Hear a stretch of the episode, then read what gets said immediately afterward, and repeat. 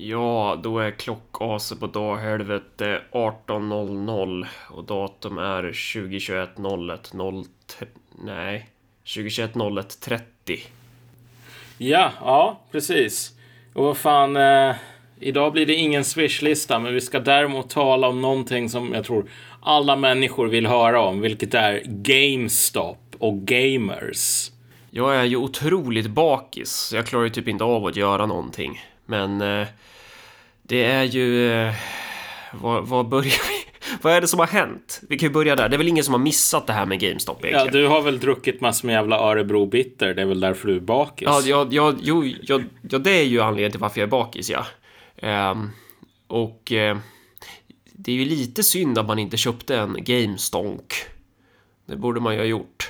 Men, men för de som inte känner till det här nu då, så är det då alltså eh, en aktie som tillhör ett företag som sålde spel, eller som säljer spel eh, i, ja. i butik. Och den aktien har ju gått ganska dåligt och då var det hedgefonder som har varit inne och eh, blankat den aktien, det vill säga man har satsat massa pengar på att det ska gå dåligt för företaget och då någonstans på eh, så utlöste det en reaktion på det här forumet Reddit där en massa eh, deplorables, om, om man frågar eliten, blir arga på hedgefondföretagen, att de håller på att tjäna pengar på blankningar, så alla går in och köper de här aktierna i GameStop, vilket då resulterar i att när den aktien då stiger till en viss nivå, då måste de här hedgefonderna köpa tillbaka sina blankningar så att de förlorar apigt mycket pengar och sen så upprepades den där processen ut i typ det oändliga, vilket betyder att de här stora hedgefondbolagen har förlorat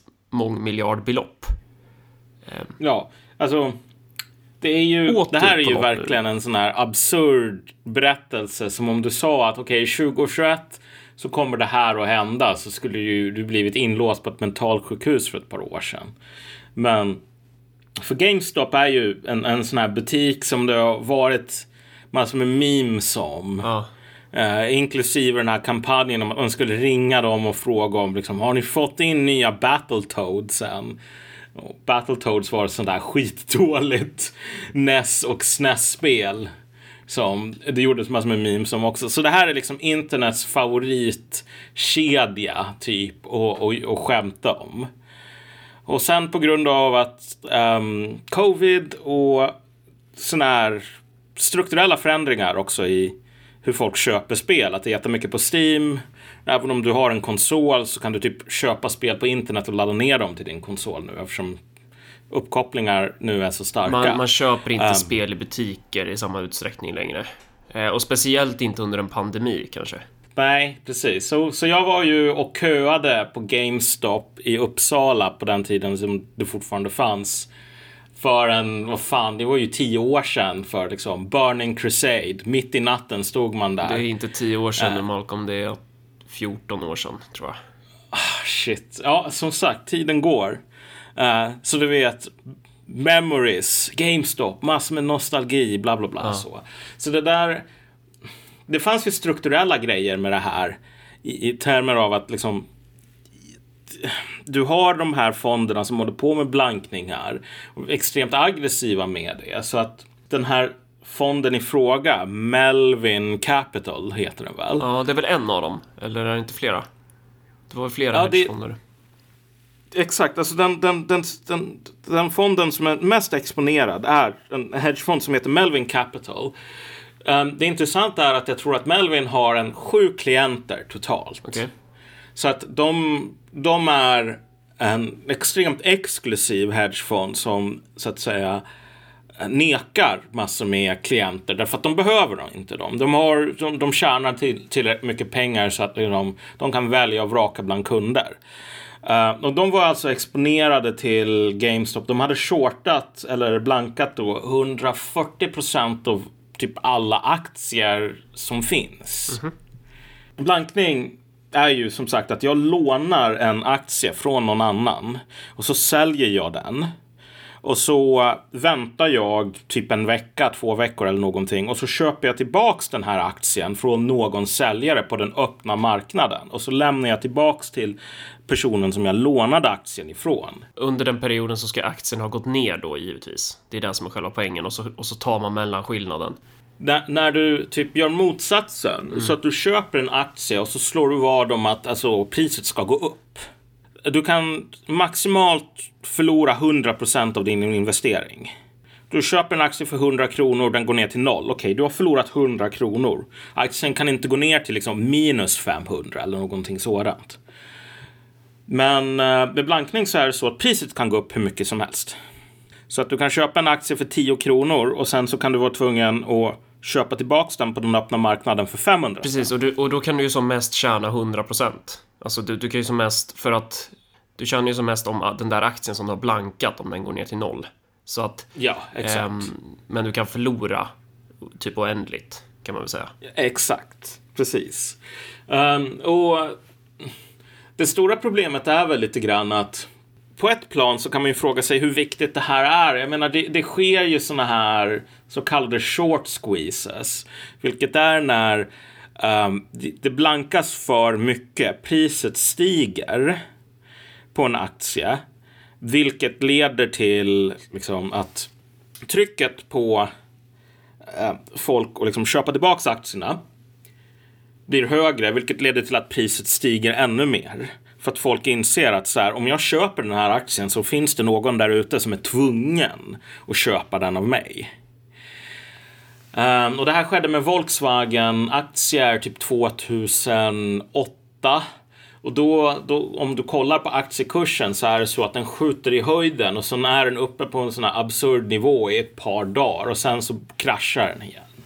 Så folk förväntade sig att det här skulle ske. Men, men anledningen till att vi pratar om det här är inte så mycket att liksom, du vet, vi har utvecklat något jättestort intresse för liksom, att handla på Avanza eller någonting sådant. Eh, förutom du som är ute på Twitter och liksom boostar Paradox Ja. aktie nu när de har meddelat att de ska göra ett spel om Örebropartiet. Ja, alltså han uttryckte ju, vdn för Paradox, eh, Fredrik Wester, uttryckte ju en, eh, en försiktig positivitet gällande mitt förslag. Eh, Och det ska ju sägas att jag tar inte betalt för- för mina tjänster, utan jag är ju i folkets tjänst i egenskap av en eh, folkets politiker. Och det ingår ju att öka produktiviteten för det svenska näringslivet. Så jag berättade ju för Paradox hur de ska göra eh, för att det ska gå bra för deras företag och det är ju att de ska utveckla ett strategispel som går ut på att bygga Örebropartiet. Och vi Ja. får ju invänta lite vad de kommer presentera för typ av idé, men jag förväntar mig att det här ska ske nu. Eh, Jag- jag- Så jag köpte ja, igår... Sa inte Wester Ja, han sa ju han är försiktigt positiv och så ska de bygga vidare på Tropico, vad var det? Tropico... Ja. Ja, och i Tropico så har du ju El Presidente och så har du liksom då får väl jag bli penultimo då, liksom den här rådgivaren som bara Presidente, presidente, liksom vi, ditt, ditt schweiziska bankkonto eh, är inte fullt, liksom. Du måste höja skatten på, på, på arbetarna ännu mer.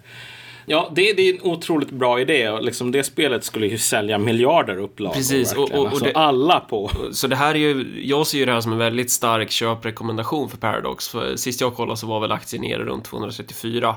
Det var ju natt, jag kommer inte ihåg vad det var då, men jag köpte tre aktier till när jag satt och bajsade och var full. Ehm, tyckte jag var en bra idé. Ehm, så det, jag börjar lära mig det här med aktier nu, Malcolm. Ehm, Ja, en, ja. en annan aktie jag har köpt en hel del av, det, det, det är Norwegian. Det är ju det, Jaså? det är alltså då det här norska eh, flygbolaget som är... Nej, det har ju kraschat så jävla mycket. Jag köpte ju det då i, i våras för jag tänkte att nej, men det här, det kan ju inte gå ner mer än så här. Och så bara, jo, en jävla fitt-noob. Det kunde det. Men eh, nu håller vi tummarna för att norska staten ska gå in och pumpa in lite oljepengar i det där bolaget eh, så att jag kan gå plus minus noll. Ehm, så. Vi, vi får hoppas att, att Reddit annars ry- rycker ut till vårt försvar här. Nej, jag, jag håller inte på att vara ute på aktiemarknaden på grund av att det skulle bara bli katastrof. Jag menar, det är fan som att låta en katt måla taket eller någonting. Jag tror där. att du skulle vara bra på det. Alltså, det känns, alltså det som är, det som slog mig med aktier är så här att det är man lite nördig så kan det, det det är ju lite trevligt att sitta och pilla och så. Det, det finns ju liksom inget stopp på det. Man, man, man kan ju sitta och försöka... Jag vet ju nu att jag är skitdålig på det här, men det innebär ju att, eh, att det finns en jättestor potential i att levla. Man ser ju att bara oj, man, det hade varit coolt att vara bra på det här. Typ. Ja, alltså, nej, jag, jag, försöker, jag försöker fokusera på saker som jag kan, vilket är att typ spela töntiga strategispel och liknande. Ja. Men, men hur som helst, alltså så här, för att återgå till ämnet här, nu när vi har boostat Paradox med våran urstarka köprekommendation. Så den politiska aspekten till just det här aktiedramat är det som är på riktigt intressant. Precis. Ehm, de- som är involverade här, är, på ena sidan har du liksom de här Reddit-människorna. Och det är ju karaktärer av alla möjliga eh, typer. Eh, Och på den andra sidan så har du de här flottskallarna i hedgefondsbolagen då. Eh, Och de, de tänker ju typ att det finns en logik i det här. Att, att det är så här, ja men om, om vi bara håller ut längre eller bara blankar den ännu mer så de här personerna, de kommer ju ge upp. De, de måste ju dra sig ur för de kommer förlora så jävla mycket pengar. Men så går man in på Reddit och läser. De här Reddit-människorna, de, de skiter ju lite i den här logiken som hedgefondbolagen tror att de ska spela efter. Att de är så här bara, ja, men vi skiter i om vi förlorar pengar. Det är inte det, är inte det, det centrala för mig är inte att få en massa pengar. Jag har levt på svinlite pengar hela livet. Eller typ så här, min farsa fick sparken i finanskrisen, han blev alkoholist. De här jävla asen, satt och drack champagne. De tjänar jättemycket pengar. För oss går det jättedåligt. Alltså, du, du anar det här klasshatet hela tiden. Ehm, och, Exakt. och att de är så här, vi, inte, vi håller inte på med det här för att tjäna pengar. Vi håller på med det här för att åsamka er smärta. Vi håller på med det här för att vi hatar er. Det är det som är det spännande, tycker jag. Ja, alltså jag skulle nog säga så här, för, för jag skulle önska att jag kunde vara så här super bullish här när det gäller vad det är som pågår. Att här har vi typ, du vet, David mot Goliat. Liksom, här har vi stormandet av Bastiljen. Och saken är väl den att vad vi har snarare är en extremt farlig cocktail. Du har massor med människor som tror att det är du vet precis som, som skriver de här inläggen som du, du, du eh, pratade om. Det här med att du vet växt upp fattig, sett hur de här jävla bankirerna trampat på liksom min familj, min farsas företag gick i konkurs. Han liksom söp ihjäl sig. Eh, och nu kan jag köpa liksom GameStop ehm, en aktie för, för 3000 spänn. Och jag kan förlora alla de pengarna så. Men bara jag får chansen att hämnas. Samtidigt så finns det människor som köpte de där aktierna. Inklusive det, den här subredditens typ hjälte som verkar vara någon sån här amerikansk Chang Frick typ. En snubbe med, med nicknamet Deep fucking value. Han köpte de här aktierna när de var på typ en 6 dollar eller någonting. Nu, och han har väl sålt av en del. Han har ju fortfarande en ganska stor portfölj. Men alltså han har ju blivit, jag vet inte. Han har ett tvåsiffrigt antal miljoner dollar nu. Ja. Och sen finns det andra människor som har tjänat en hel del pengar. Och sen finns det institutionella investerare i allt det här. Typ Blackrock Capital. Som är eh, finansvärldens liksom, typ svar på USA ungefär. Liksom, total gigant. De har ju tjänat miljarder dollar på hela den här situationen. Så att ser du till liksom, konflikterna på, på den här marknaden så finns det dels David mot Goliat. Men sen finns det liksom Goliats kusin mot Goliat. Och liksom, Men, Ehm, men, men de, un, även- de underliggande mekanismerna här, för att citera Hanif Azizi, är ju att det, det drivs ju av ett klasshat. Det är ju liksom de här. Blackrock och alla de här stora skyddarna, de kommer ju in efter att eh, festen redan, alltså eh, festen redan har börjat. De är ju tvåa på bollen så att säga. Ja, alltså det, det, det intressanta här är ju att alla sådana här liksom börsrusningar, det finns jävligt mycket liksom animal spirit som man säger så. Liksom folk, folk blir lite galna av börsen liksom, och det har de blivit så länge som vi har haft börser. Liksom. Folk har blivit galna om tulpanlökar. Liksom lagt ner alla sina besparingar på att köpa tulpanlökar på typ 1600-talet. så. Men här har du en kombination av den liksom manin med det här stora problemet i USA nu, vilket är att landet befinner sig nästan i någon form av förrevolutionär situation. Det finns ett enormt jävla missnöje med eliterna. Och uh, en del människor som jag tror är liksom cyniska och ganska... De fattar att om de mimar, du vet, så här, nu jävlar, nu kör vi denna liksom eh, kupp mot de här hemska hedgefonderna så. Så kommer de att kunna kamma hem miljoner kronor. Men alltså, det där att leka med elden. Därför att de människorna som du lurar in i den här grejen, som förlorar massor med pengar, de, de tror på allvar. Du behöver inte tro. Men så länge som andra gör det, då är det sant. Liksom som, som en illustration på att när man släpper lös dessa animal spirits, vare sig det gäller liksom revolution eller uh, finansiell liksom mani, så tappar man kontrollen över dem ganska snabbt. En illustration på det hittar man i den här, den här appen. Robin Hood kallas den. Och det är alltså en sån här, vad heter det på svenska, en, liksom en, en brokerage app. Så att i Sverige så handlar väl många aktier på Avanza. Avanza Robin Hood, eller Nordnet typ. Ja. Och Robin Hood um, har inga upp, liksom, avgifter. Mm. Um, så det här är liksom en, en gratisversion.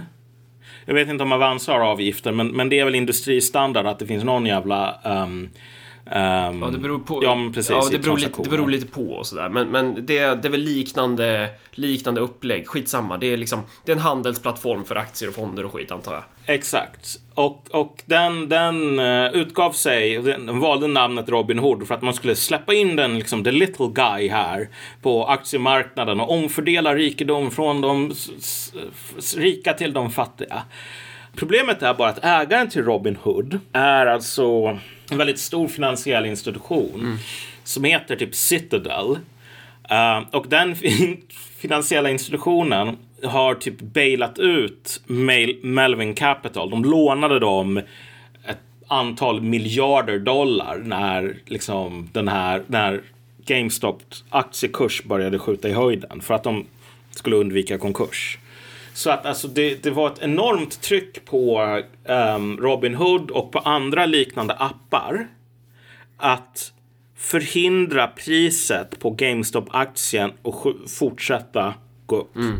Därför att då skulle en massa rika människor ha förlorat otroligt mycket pengar. Ja, då skulle ju Robin Hood som företag också ha förlorat på det eftersom de är kopplade till samma företag som har lånat ja, ut exakt. pengar till det här företaget som har förlorat pengar. Eh, och det, det, där, och sätter man, så de svarade ju då genom att helt enkelt, det var väl det, la de väl handelsstopp så att du fick du kunde inte köpa aktien längre, du kunde bara sälja den och sånt där va? Exakt. Mm. Och sen, um, sen så verkar det som om, det, det, har varit ganska mycket uppgifter om att Robin Hood har um, alltså tvångssålt eh, folks aktiepositioner. Liksom, och där måste man lägga till en brasklapp att om du handlar på marginal, alltså sån här, eh, att du lånar pengar för att köpa aktier, då är det tillåtet för din broker, alltså eftersom till den det är därifrån du lånar pengar.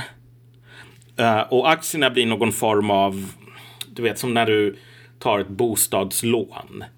Liksom, bostaden, det är egentligen inte din utan det är bankens. Så länge som det, det, det, det, det, det finns en liksom pant eh, mekanism här. Så att det är tillåtet för din broker att sälja av aktier som, som du inte äger till 100 procent.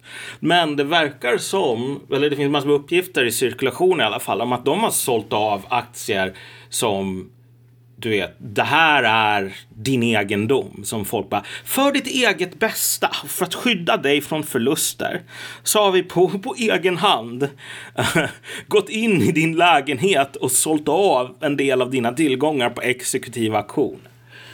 Uh, det här, sådana saker, det är, för att använda en teknisk term här, kukolagligt. Alltså det är så, så gör man inte. Ja, framförallt så, så strider det ju mot själva narrativet som de vill sälja in för att alla de här aktieplattformarna och alla de här mm, börshajarna, de, de vill ju sälja in att den här marknaden är ju till för folket någonstans. Ja, exakt. Och den teorin, alltså så här, i teorin så är det ju en skitbra grej med aktier. Att så här, ja, men det, det finns ju nästan en socialistisk tanke där skulle man ju kunna påstå att ja, men människor kan demokratiskt, man kan, man kan välja fritt vilket företag, vilken del av produktionen man vill, man vill gå in och sponsra. Eh, och det gör ju att, att du, du typ du, du främjar någon form av kreativitet på en samhällelig nivå när det gäller det här. Det är ju någon form av crowdfunding. Det är ju den typen av princip en aktie ska funka som någonstans i teorin. Men i praktiken så ser det ju helt annorlunda ut. Där har du ju typ så här riktigt stora jävla drakar som bara lägger ner hur mycket pengar som helst på att inte bara blanka en aktie utan också då sitta i paneldebatter i de stora tv-bolagen. Att gå ut i de stora mediekanalerna eh, och prata om hur jävla dålig den här, eh, det här företaget eller den här aktien är som man har eh, blankat då. då. Så att det är mm. ju inte en så, alltså det är ju det som är en fri marknad. Eh, då ser det ju ut så här också det, du har ju alla de här fulspelen och någonstans så faller ju det här narrativet att de är till för den, den lilla människan för att bara till en viss gräns. De, de är, Exakt. för nu, nu förlorar de pengar på den principen. För de är så jäkla uppbundna på det här. Precis, problemet är på, på, på att du, du, du, underdriver nästan problemet här. Därför att visst, alltså det finns ju, hela deras narrativ har ju gått sönder. Men alltså det narrativet slutar de att bry sig om när de liksom passerade en sån här 10 miljarder dollar i förluster på sina blankningspositioner här. Då, du liksom, vem fan bryr sig? Och liksom företaget Robin Hood, alltså det, det kommer aldrig att återhämta sig. Men återigen, du vet när du har förlorat en 10-20 miljarder dollar, liksom vem fan bryr sig om någon sån jävla plattform?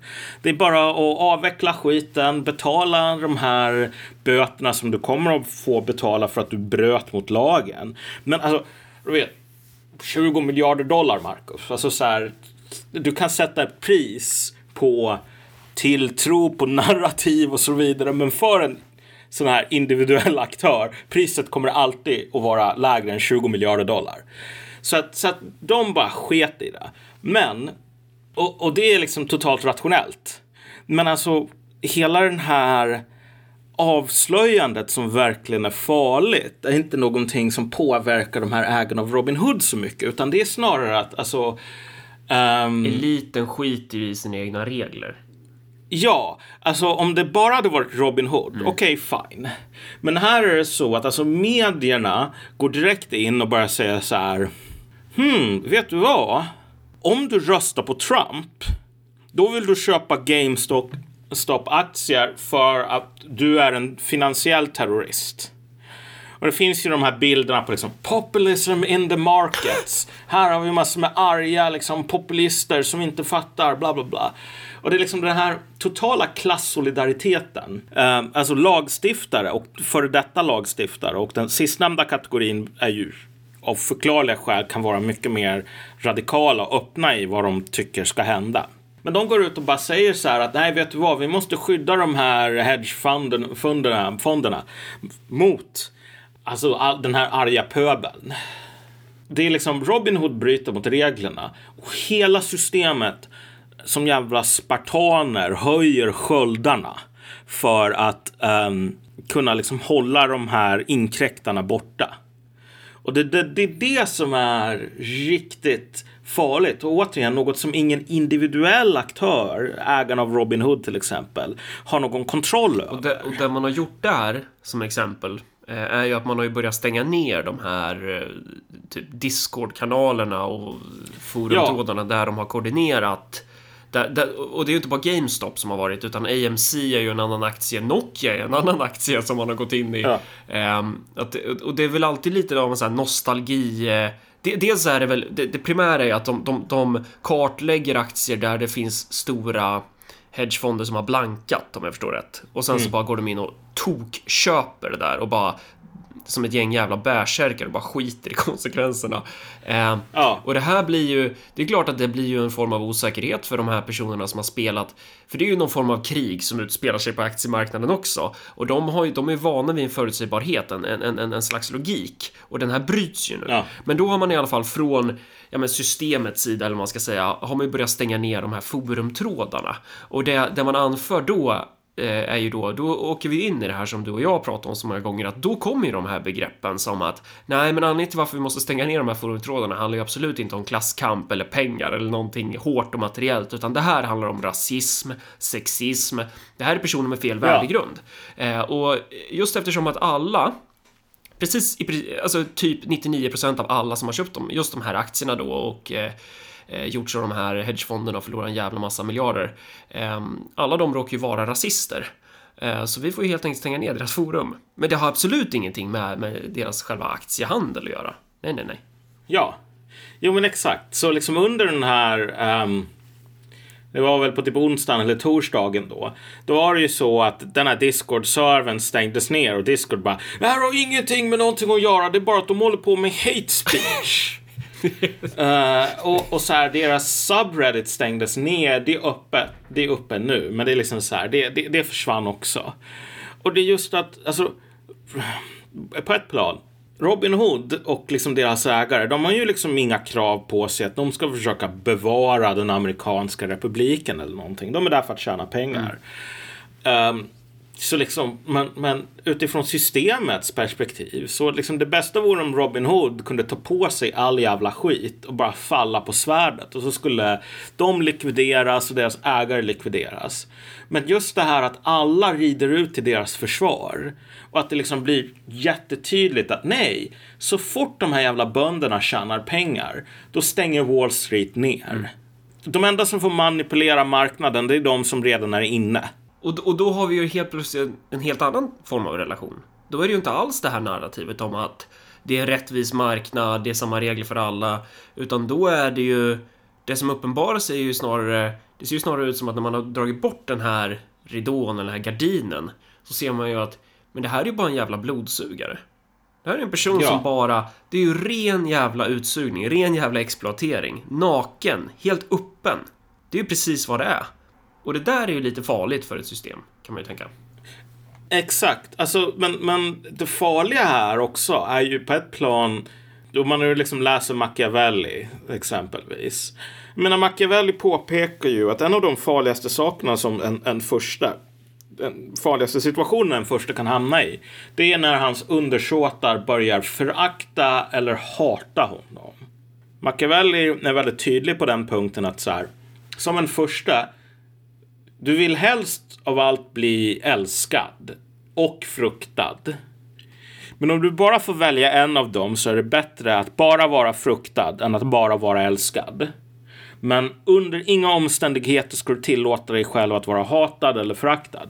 Därför att så fort du blir hatad eller föraktad, alltså då försvinner den liksom logiken i stabila samhällen, vilket är att folk rycker på axlarna när du gör någonting dumt. Utan här är det så att folk börjar till väldigt stor kostnad för sig själva lägga krokben för dig och försöka förstöra din regim. Mm. Så länge som du inte är hatad eller fruktad, då kommer du bara vara rädd för att någon ska liksom ta livet av dig om den här personen tjänar på det. Du menar hatad eller föraktad? Ja, precis. Om du, om du är hatad eller föraktad, då, eh, eller om du inte är hatad eller föraktad, utan du är fruktad eller älskad, eller båda två. Den enda personen som kommer att vilja sticka en pistol på dig, skjuta dig, är någon som tror att ah, men det här kommer jag tjäna på. Liksom. Nu kan jag bli nya bossen. Medans om du är eh, hatad eller fraktad. Folket förhåller sig förutsägbart och mer passivt i den, i den eh, ekvationen, ska säga, i, i, den situationen då. Men när du hatad och föraktad, då har du aggrat folket. Då kommer de börja... Och, och då biter ju inte samma logik på dem heller.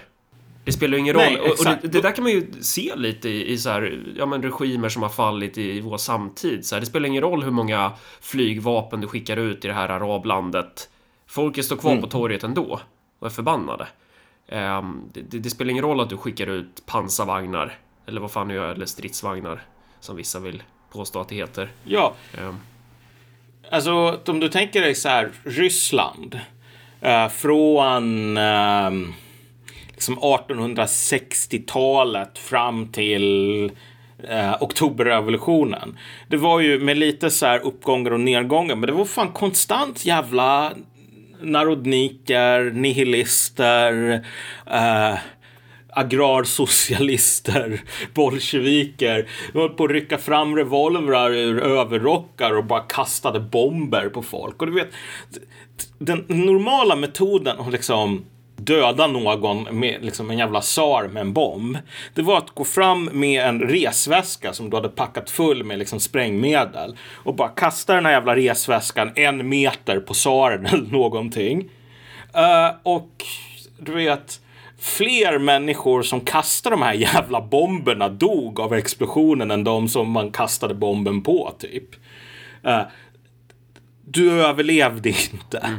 Men alltså folk brydde sig inte för att liksom, det, var någon, det var någon jävla galenskap som gjorde att så här, om jag bara har en liten chans att döda Saren. Okej, okay, fine, då accepterar jag en 100% chans att dö själv. Det där är det som är lite grann på prov nu. Alltså som du ser redan från början. Och sättet som eliten har betett sig för att försöka parera den här risken för ett par enskilda investerare. Visst, det kan visa sig att alltså, en, en tillräckligt allvarlig eh, förlust hos typ Melvin Capital kan ha liksom, begränsade systemhotande effekter av, av den en anledning som jag hintade om tidigare, vilket är att Melvin Capital är extremt exklusivt du kan inte bli kund till dem, även om du är så här mångmiljardär. Utan så här, de ringer dig, du ringer inte dem. Vilket betyder att det finns massor med sådana här mångmiljardärer som är inte coola nog. Men som vill investera i liksom någonting liknande. Så att om Melvin, K eller Melvin är typ Coca-Cola så har du liksom Cuba Cola och liksom massor med andra sådana här copycats. Um, som hela deras försäljningsstrategi när de lockar till sig kunder är att vi kommer att göra exakt det som Melvin Capital gör. Så liksom gå med oss eftersom du inte blir insläppt hos dem. Um, så att det, det, finns fler än den här fonden som har shortat, om vi säger så, eller blankat. Um, så att vi får se hur allvarliga de effekterna blir. Men återigen, det här liksom pyrande hatet och föraktet mot sin egen elit då har vi konstaterat att eliten, elitens reaktion är ganska så här naken. De, de, eliten skiter ju lite i att de är hatade och föraktade. Eh, ja. det, det, finns inte någonstans... Men vi brukar prata om den här serien Tjernobyl. Att när, de personerna trodde ju inte fullständigt på systemet om man säger så. Alla visste ju att det här är jävla fake. Den här socialistiska drömmen som vi har blivit såld, den är fake. Det är inte så. Vi, vi lever i just nu ett jävligt radioaktivt pissamhälle. Men ändå så står de där när de ska gå in i den där skiten och säger så här, ja men I serve the Soviet Union. Så här, de gör ja. givakt och de, de, det finns ändå en tro, det finns ändå mer av en tro där på det där trasiga systemet ja. än vad vi har i våra samhällen idag. Alltså, ja, det är det som är grejen och det här är den stora skillnaden också som jag tycker ändå liksom skin, skiner igenom om du kollar på Tjernobyl som Ja, visst, det har vissa brister, men ändå är en ganska realistisk återgivning av det här, av, av stämningen och så vidare i samhället. Att så här, Sovjetunionens strategin från toppen efter Stalin och allt, liksom den jävla liksom, katastrofen. Mm. Men liksom om du tänker dig Khrushchev därefter. Mm. Det är så här att vi måste parera, desarmera möjligheterna för folk att hata och förakta oss. De ska lära sig att så här, du vet, saker och ting, de kan inte bli bättre, vi lever i ett jävla skämt. Men alltså, deras vad de la ner otroligt mycket energi på, det var att ungefär att alla som bodde i Sovjet skulle ha liknande attityd till Sovjetunionen och deras eliter som de flesta svenskar har till sossarna idag. Vilket är att alla fattar ju att sossarna är en ganska ihålig kuliss. Men hur jävla många svenskar skulle ta på sig och typ stoppa i massor med sprängmedel i en handväska och typ spränga liksom Annika Strandhäll? Mm. Inte många. Nej, alltså liksom vi är verkligen inte där. Um, utan det är mer så här att alltså man, man rycker på axlarna åt nedgången typ. Men, men vad ska man göra åt den? Det, liksom, det finns inte riktigt den här liksom, allergiska reaktionen om vi säger så. Och jag menar av en ganska bra anledning därför att man kan säga jävligt många negativa saker om sossarna, vilket du vet du och jag har gjort ganska ofta. Men alltså det går inte riktigt att jämföra dem med uh, den ryska tsaren. Eller för den delen så här, um, du vet, demokraterna i USA som nu, um, nu när Biden har blivit president, så under de första um, liksom veckan, två veckorna, så har det kommit över 20 executive orders Vilket är när presidenten typ försöker tvinga fram nästan en sorts lag förordning via den exekutiva makten trots att alltså, det här är någonting som egentligen inte ska ske en, i normalfall en, utan kongressen en, ska sköta sådana för, saker. En förordning, inte förordning. Ja, ja förordning, mm. sorry.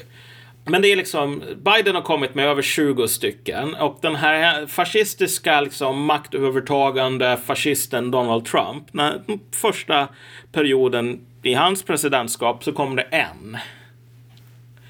Och Obama som var den tidigare rekordhållaren vad jag vet. Uh, fem. Mm.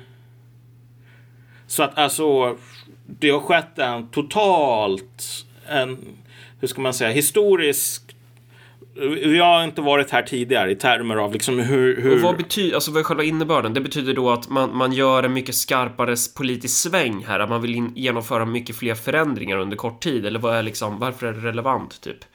Ja, förändringar under kort mm. tid, precis. Och sen är det ju bara så här att alltså sättet som systemet var designat att funka var ju att du har en uppdelning mellan den exekutiva, den eh, dömande och den lagstiftande makten.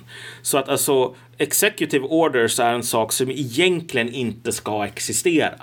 Därför att lagstiftarna, det vill säga den amerikanska kongressen, dess två kammare, det är de som ska, om vi ska liksom ha nya, du vet, vi ska inte tillåta um, liksom antirasistiska liksom, eller hbtq-certifiering. Det är kongressen som ska säga sådana saker. Det är inte presidenten. Um, och, och, folk anklagade ju Trump hela tiden för att vilja koncentrera makten i sina egna händer. Men den här maktkoncentrationen har skett mycket mer utförligt under Biden, bara av döma av den första tiden. Men, men det är inte den stora grejen som är otroligt normbrytande. Utan den stora grejen som är verkligen så här, det här är inte normalt. Det är det faktum att man kallade in 26 000 soldater från hela USA. Eh, alla olika så här, nationalgardes organisationer för delstaterna. Flyga till Washington DC som alltså metroområdet är mycket större än Stockholm. Det liksom bor en, nästan 7 miljoner i Washington DCs metro. Men det är för att det här är liksom nervcentret i, eh, i, i liksom ett globalt imperium. Men om du kollar själva staden DC. Den är, liksom, den är typ lika stor som Stockholm. Det är inte en stor stad. Tänk dig att du har 26 000 trupper som håller på att trampa runt.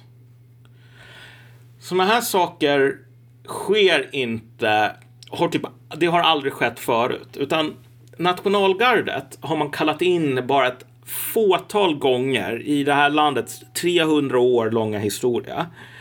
Och enbart för att liksom kväsa pågående kravaller och liknande. Alltså det, du har en aktiv situation som kan bli våldsam. Då skickar du in liksom äh, äh, typ 5000, 2000, 3000 nationalgardssoldater. Här är 26 000. Eh, på grund av att du vet alla dessa QAnon boomers skulle liksom spränga hela Vita huset om, om, om man inte hade dem där. Uh, men nu är ju den här invigningen av president Biden över. Men då har man liksom meddelat att okej, okay, men nu ska vi ha 6000 trupper, vilket är typ mer än Sveriges hela armé liksom, det här är ju beroende på hur man räknar nästan en division. Det ska man ha på typ nästan permanent basis utstationerad. Det här är någonting som alltså man det, det, det, liksom, det går mot någonting väldigt grundläggande i den amerikanska republiken. Så här att man, man skickar inte amerikanska soldater för att agera poliser mot andra amerikaner. Skickar in dem för att släcka bränder kanske, men inte så här liksom eh, det här är liksom ett komplement till polisen. Såna här grejer är så enorma jävla övertramp och folk märker ju det. Så att alltså, du har en elit som är totalt, alltså den bryr sig inte. Nej. För att det är en sak om det bara är ett tillfälle då, då halva befolkningen typ tycker att det har varit valfusk. Men om ja. en väldigt stor andel, det kanske inte halva befolkningen, men en inte betydelselös andel amerikaner anser att valet inte gick rätt till. Eh, det, det är liksom ett lager och så lägger du på då att så här, ja, by the way, eh, de här reglerna på aktiemarknaden, de gäller bara oss. Eller de, de, eller de gäller bara dig snarare. De, de gäller inte oss. Eh, Exakt. Vi, vi ska tjäna pengar no matter what. Så här, det, det är en... Um, och, och, och det, kombinerat då med ja, men så här big tech, censur. Det, det är så öppet. Det, det, det, är så öppen, eh, hur ska man säga? Det är ju inte en försiktig strategi från eliten. Utan det här leder väl någonstans till att det här kommer bara göda enormt förakt. Folk kommer ju sluta ja. tro på den här lugnen som de säljer. Eh, och en till grej som är intressant i det här är ju um, om man pratar om konceptet amerikansk höger eller republikaner.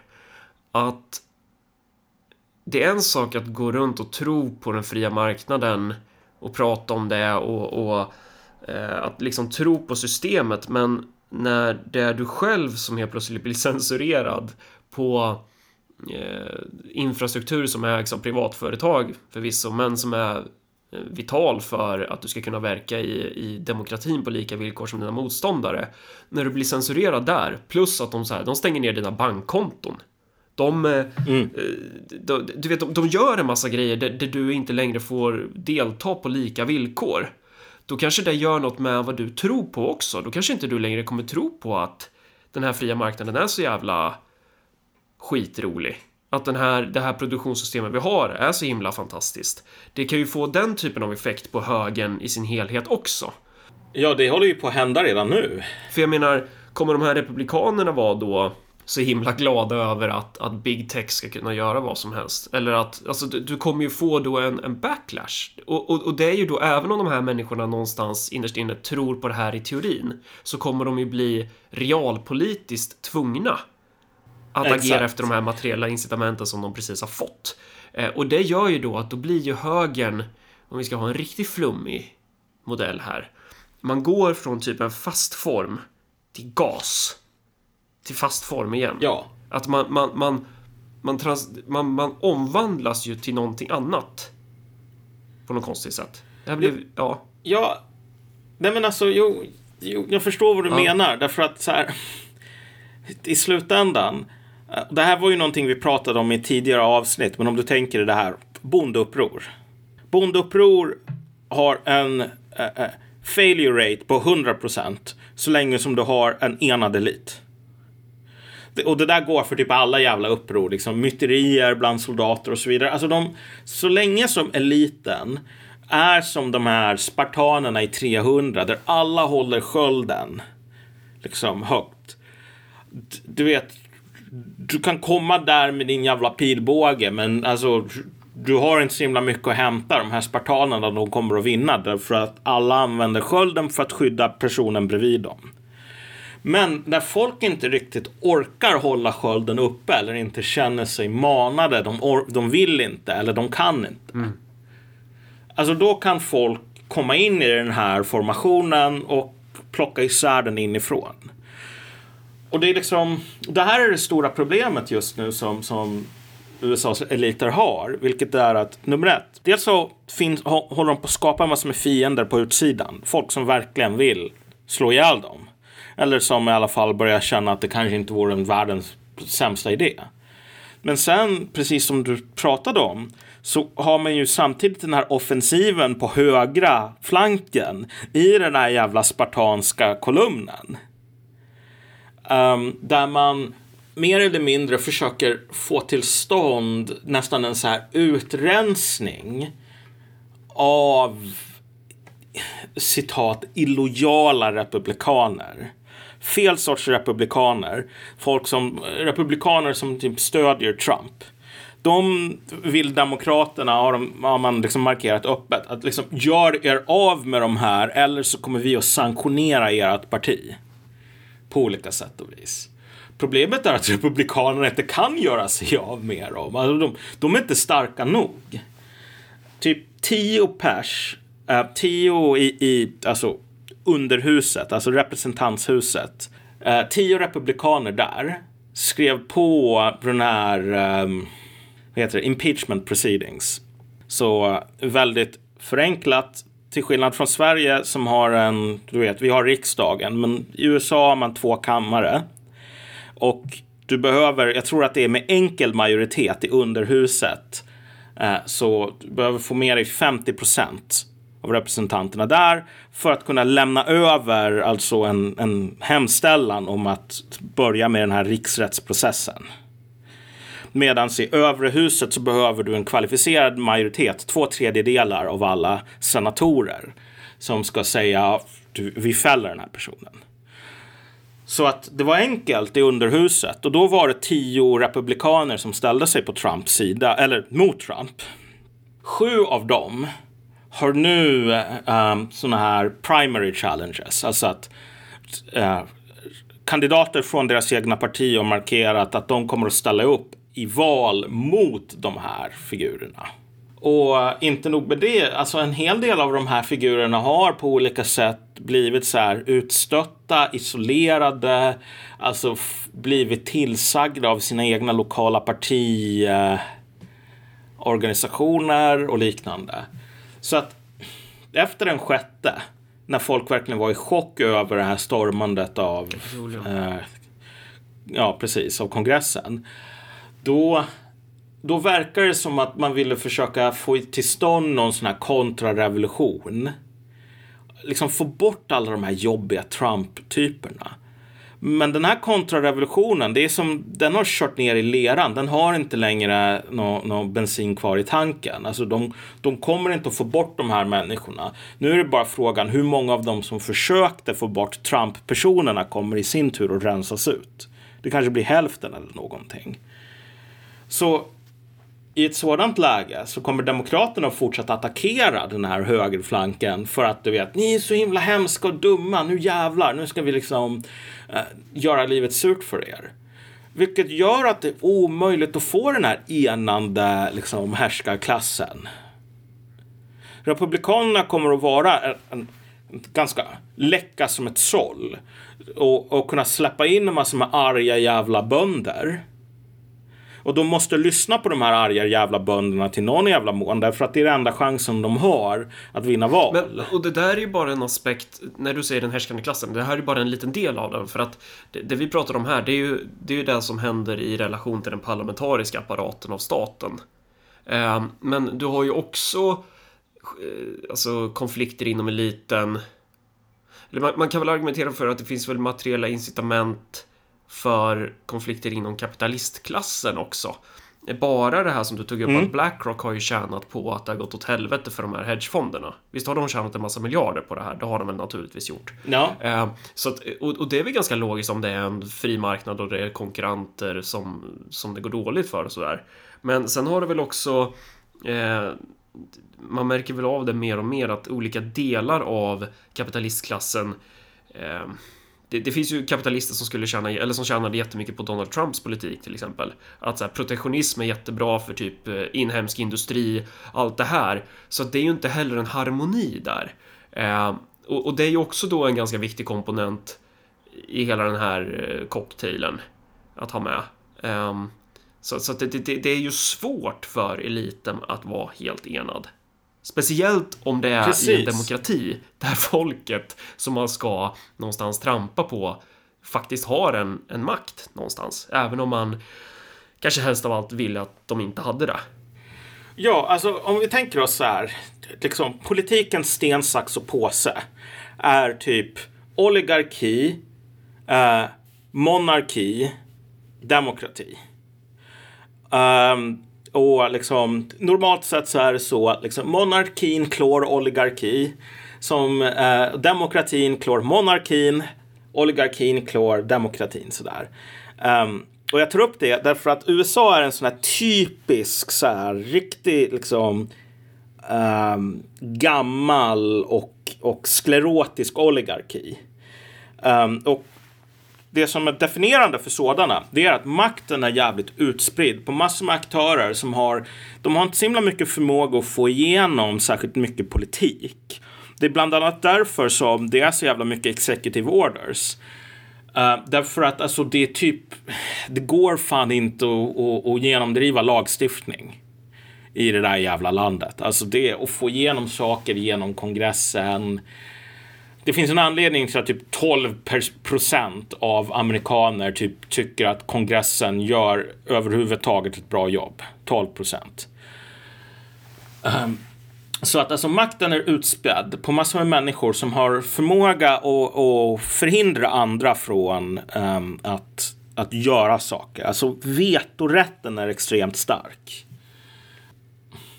Det bästa exemplet på det är ju någon sån här, typ Polen innan de blev uppätna av ryssarna. Då var det så att de hade något parlament. En enda adelsman som sa jag tycker inte om det här. Alltså fällde all form av lagstiftning. Så det typ, den polska kungen kunde inte göra någonting. Vilket ledde till att Polen körde i diket och liksom försvann från kartan. Men jag tar upp det här därför att vad vi ser nu, liksom när du, du nämnde det här med liksom interna konflikter bland liksom olika kapitalister och liknande. Det är att du ser människor som ganska cyniskt använder sig av den här folkets jävla ilska och det här är någonting som, du vet, det skedde innan den franska revolutionen också. Så här, där folk ville lägga in sitt jävla veto, liksom adelsmän som inte ville bli beskattade. Och de upptäckte så här, fan vad jävla arga bönderna är. Om vi bara, du vet, matar dem med lite så här äh, retorisk jävla red meat bara säger att du vet kungen, han trampar på frihet, bla bla bla. Du vet kungen, han är en parasit, en vampyr, blodsugare. Fan, alltså kungen kommer inte kunna göra någonting. Han kommer vara för rädd för de här jävla bönderna med, äh, med sina högafflar. Och det funkade ända tills de här människorna med högafflar blev för många. Och så insåg man att man hade noll kontroll över dem själva. Och det är det som är det, det, det riktigt slående med, om du tänker den här GameStop-grejen det är jättetydligt. Alltså det skulle vara omöjligt eller nästan otänkbart att det inte var så. Att det finns på det här subredditet till exempel. Det finns folk som har gått typ Handelshögskolan och som är så här 30-åringar. Du vet, de, de är de har varit på 4chan, de vet vad, vad memes är, liksom sådär. Så de vet hur de ska spela på strängarna. Så här. Gå in och köp, den här aktien kostar 3000 spänn, gå in och köp. Uh, nu jävlar sätter vi dit de här bankirerna. Och så har den här personen själv cashat ut och liksom betalat av sina närmsta typ fyra Porschar.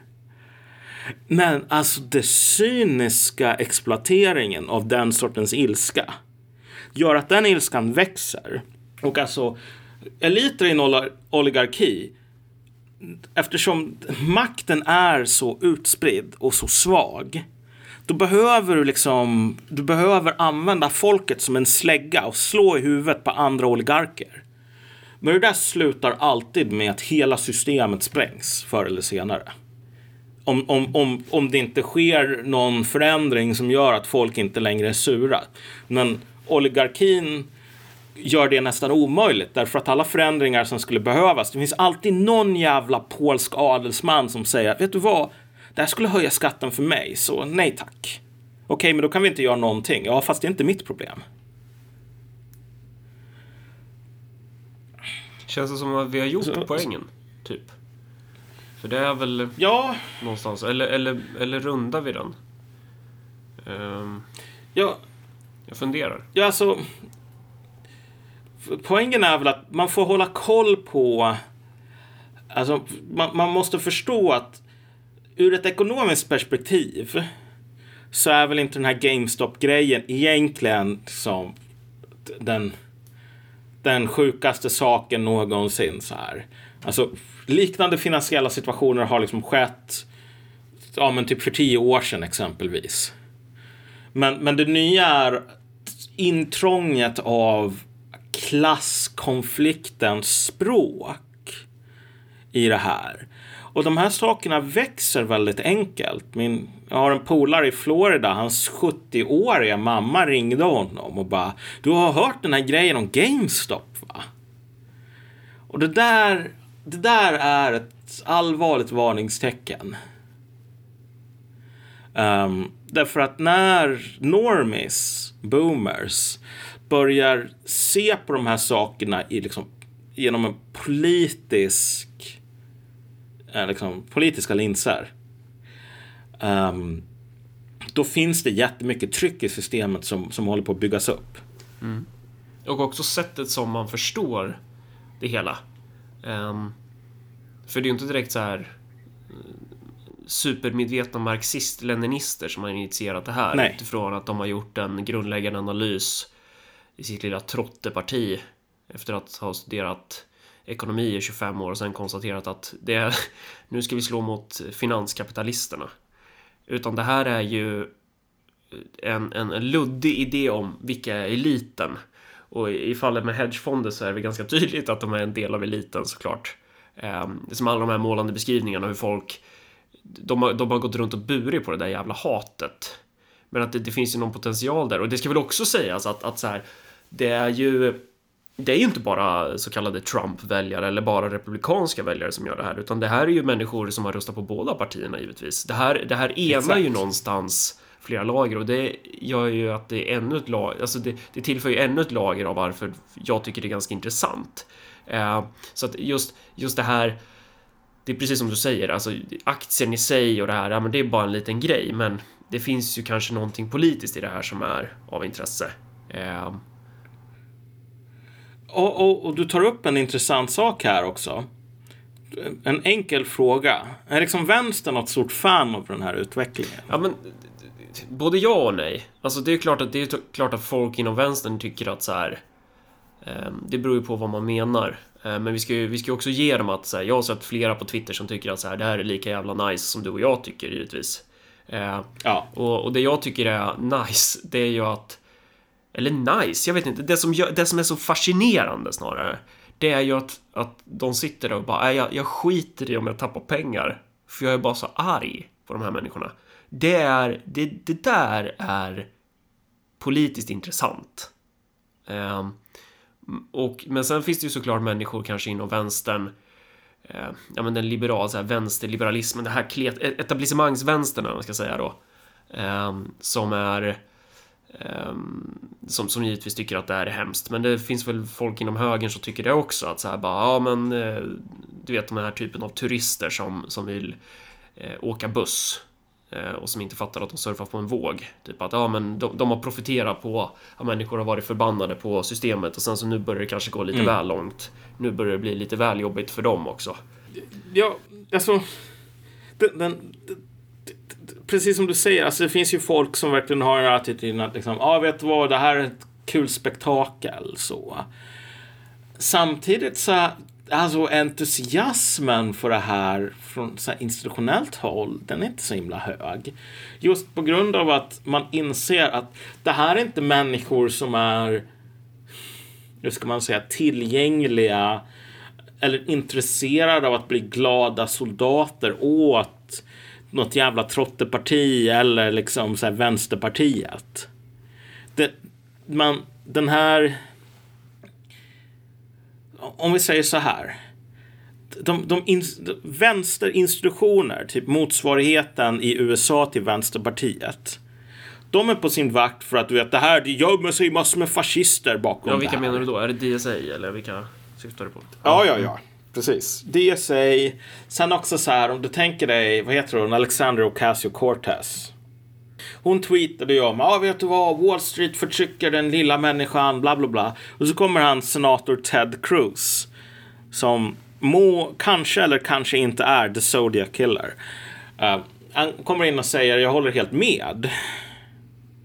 Och då bara, åh ledsen du får inte hålla med mig, du vet. Dina lejda torpeder lyckades nästan med den här komplotten och mörda mig den sjätte. Okay. Uh, eh, så alltså det enda som, jag vill inte hålla på och vara tillsammans med dig för att begränsa Wall Street. Utan om du vill hjälpa till så måste du avgå och lämna alltså, har, din, har, de skrivit, din, din... har de skrivit det bokstavligen eller, eller är det här ralliga? Ja, ja, ja, ja, okay, ja. Alltså, du vet, ja hon skrev bokstavligen, jag blev nästan mördad av liksom dina partikamrater. Mm. Så jag kan inte arbeta med dig, utan det enda sättet som du kan hjälpa till mot Wall Street, det är om du själv liksom avgår. gissningsvis liksom sen lämnar hans jävla senatorsplats till någon hen person. Men vad fan. Alltså, du vet, i termer av liksom, hur mycket kan en sån människa som AOC använda sig av den här eh, energin som håller på och kokar. Den är fan jävligt begränsad. Och typ de flesta på, på vänstern som är lite klipska, de fattar ju det att så här, vi har också tappat kontrollen på något plan över de folkliga passionerna eller vad man nu ska säga. Därför att de senaste åren i, i Sverige har ju det här varit så extremt in, alltså, eh, centrerat kring invandringsfrågan då.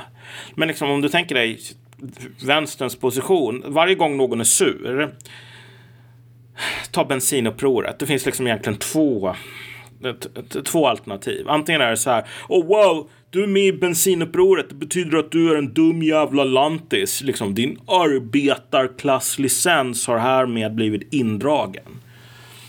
Och den andra grejen är Ja, du är med i bensinupproret, men det är för att du egentligen lider av falskt medvetande, min vän. Du är inte arg på grund av bensinen, utan du är arg på grund av typ vad nu Ung Vänster Skåne tycker är relevant för stunden. Men vadå, finns inte positionen ändå?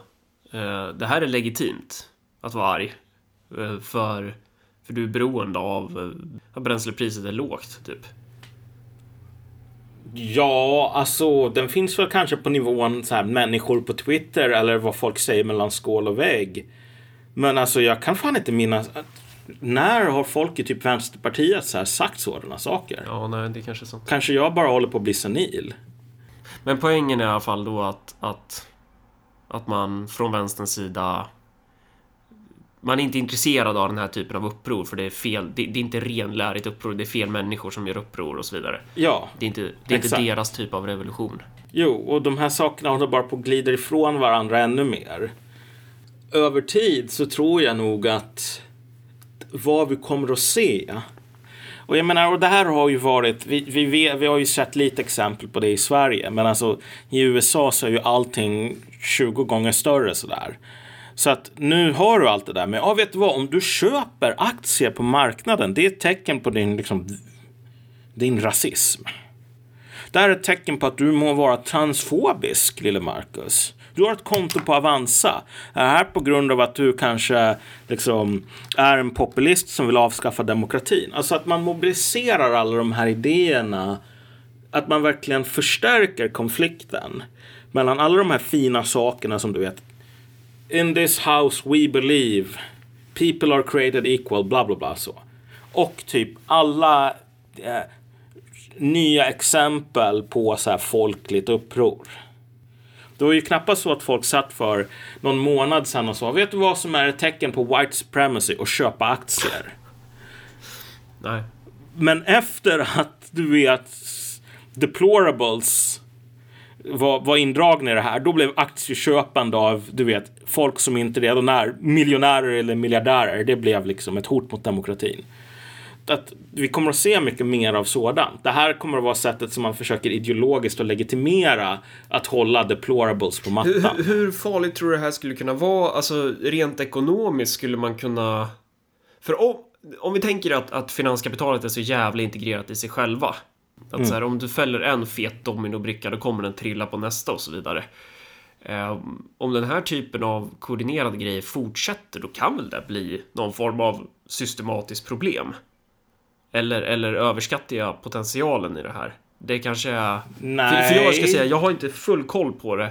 Men, men eh, det ligger väl någonting i reaktionerna typ att eller jag vet inte riktigt vilken poäng jag ska göra. Det känns som jag har gjort den redan innan. Men att... Jo, nej men alltså.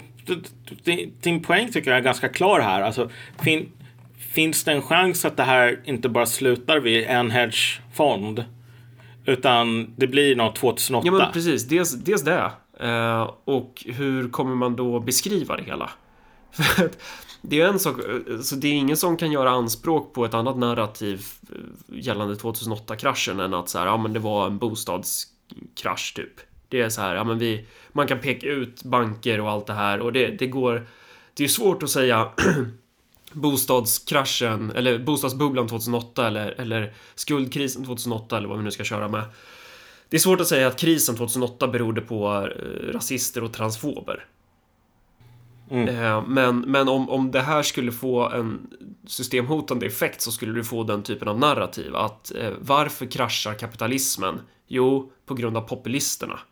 Eh, och där kommer ju inte ja, de här. Eh, så kallade marxisterna då inom vänstern, som ju inte är marxister någonstans för att de, de är ju bara där när det passar och sen gör de ju avkall på analysen.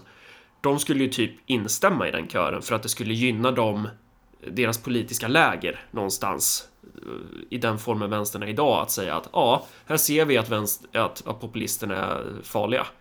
Um, att det, det, här är, vi behöver nog men ja, vi vet ju att vi är inte där än, jag bara funderar. Men, men ja.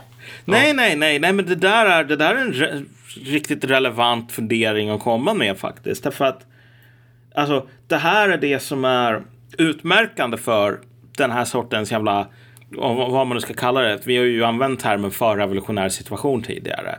Alltså att när du hamnar i ett sånt här läge. Du har alla de här olika polerna som bara ser så långt som näsan räcker. Men, men eh, du vet, ha knivarna framme för att försöka få hova till sig en större bit av kakan.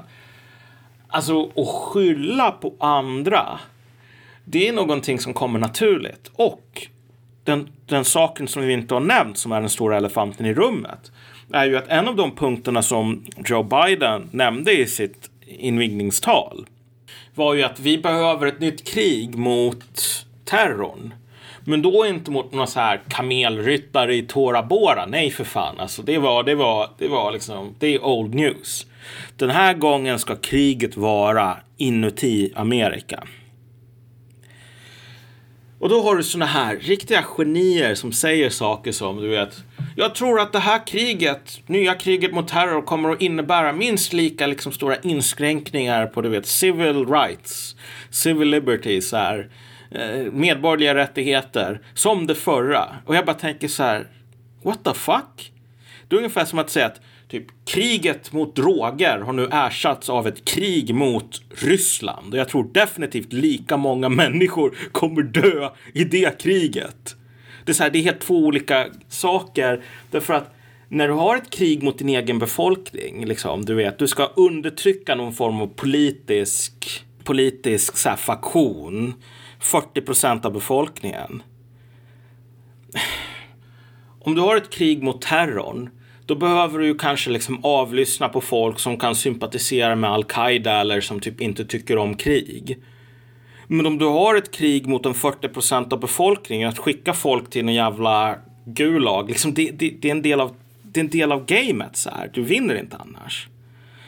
Så poängen här är ju bara att vad man redan har markerat att man vill hålla på med någonting som är Alltså, det är någonting som väldigt sällan sker i fungerande demokratier. Och om man försöker sig på det i en fungerande demokrati så slutar demokratin att fungera. För krig, krig mot terrorn här, alltså terroristerna här, det har de ju redan mer eller mindre gått ut med. Det är inte som att Biden har hållit en presskonferens bara aktiesparare är terrorister såklart, men att du, du har den typen av tendenser från vissa aktörer inom systemet och från, från etablissemanget som är att Eh, ja, men det här är någon form av, av finansiell terrorism som man, som man sysslar med. Finns det, finns det inga så här narrativ om allting är så här, bara en komplott från Kina eller från Peking eller Moskva? Det borde väl också komma ganska snart? Jo, alltså jag har sett folk som har sagt att det kan vara Ryssland. Ja. Men, så, så, så poängen är att man allting viks in till one struggle. Uh -huh. Och denna one struggle, det är, alltså vi har deplorables i det här landet och de är många och de är liksom så här, du vet, white supremacist.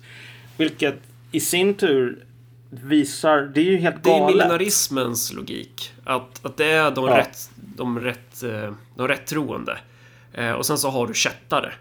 Och du har en, eh, du, du går mot någon form av apokalyptisk konflikt där de här chattarna kommer att förintas. Och det är liksom det språket som man använder. Även fast man liksom lägger till, du vet, i Minecraft.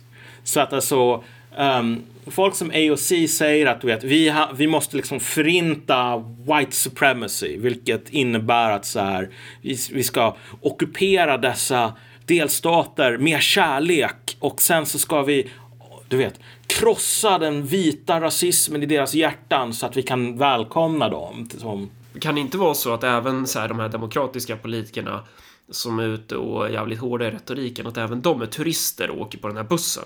Att de, att Ja. de, att de också då, det de frammanar kommer springa iväg från eh, utom räckhåll för deras kontroll. Att Ja, det är nästan, det är nästan garanterat att det kommer så att att hon ske. kanske inte menar det själv då, att man ska gå så jävla Nej, hårt nej. åt dem som hon gör rent retoriskt, men att det kanske effekten blir att Nej men okej, men då kommer några se det som sitt uppdrag att ta vid där då eh, och föra den eh, stafettpinnen vidare medan hon sitter där och ser sig omsprungen på sitt, på sitt egna game någonstans. Ja, alltså det, det har skett liksom två sådana här inträden av pöben på den politiska arenan i USA under den, den senaste ettårsperioden. Den första var ju efter George Floyd.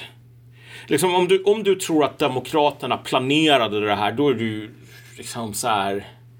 Alex Jones skulle liksom stirra på dig och skaka på huvudet lättsamt över liksom hur hur, Konspiratoriskt. hur förlorad du var i konspirationsteoriernas värld. Så det var, det, nej, det här var någonting som hände.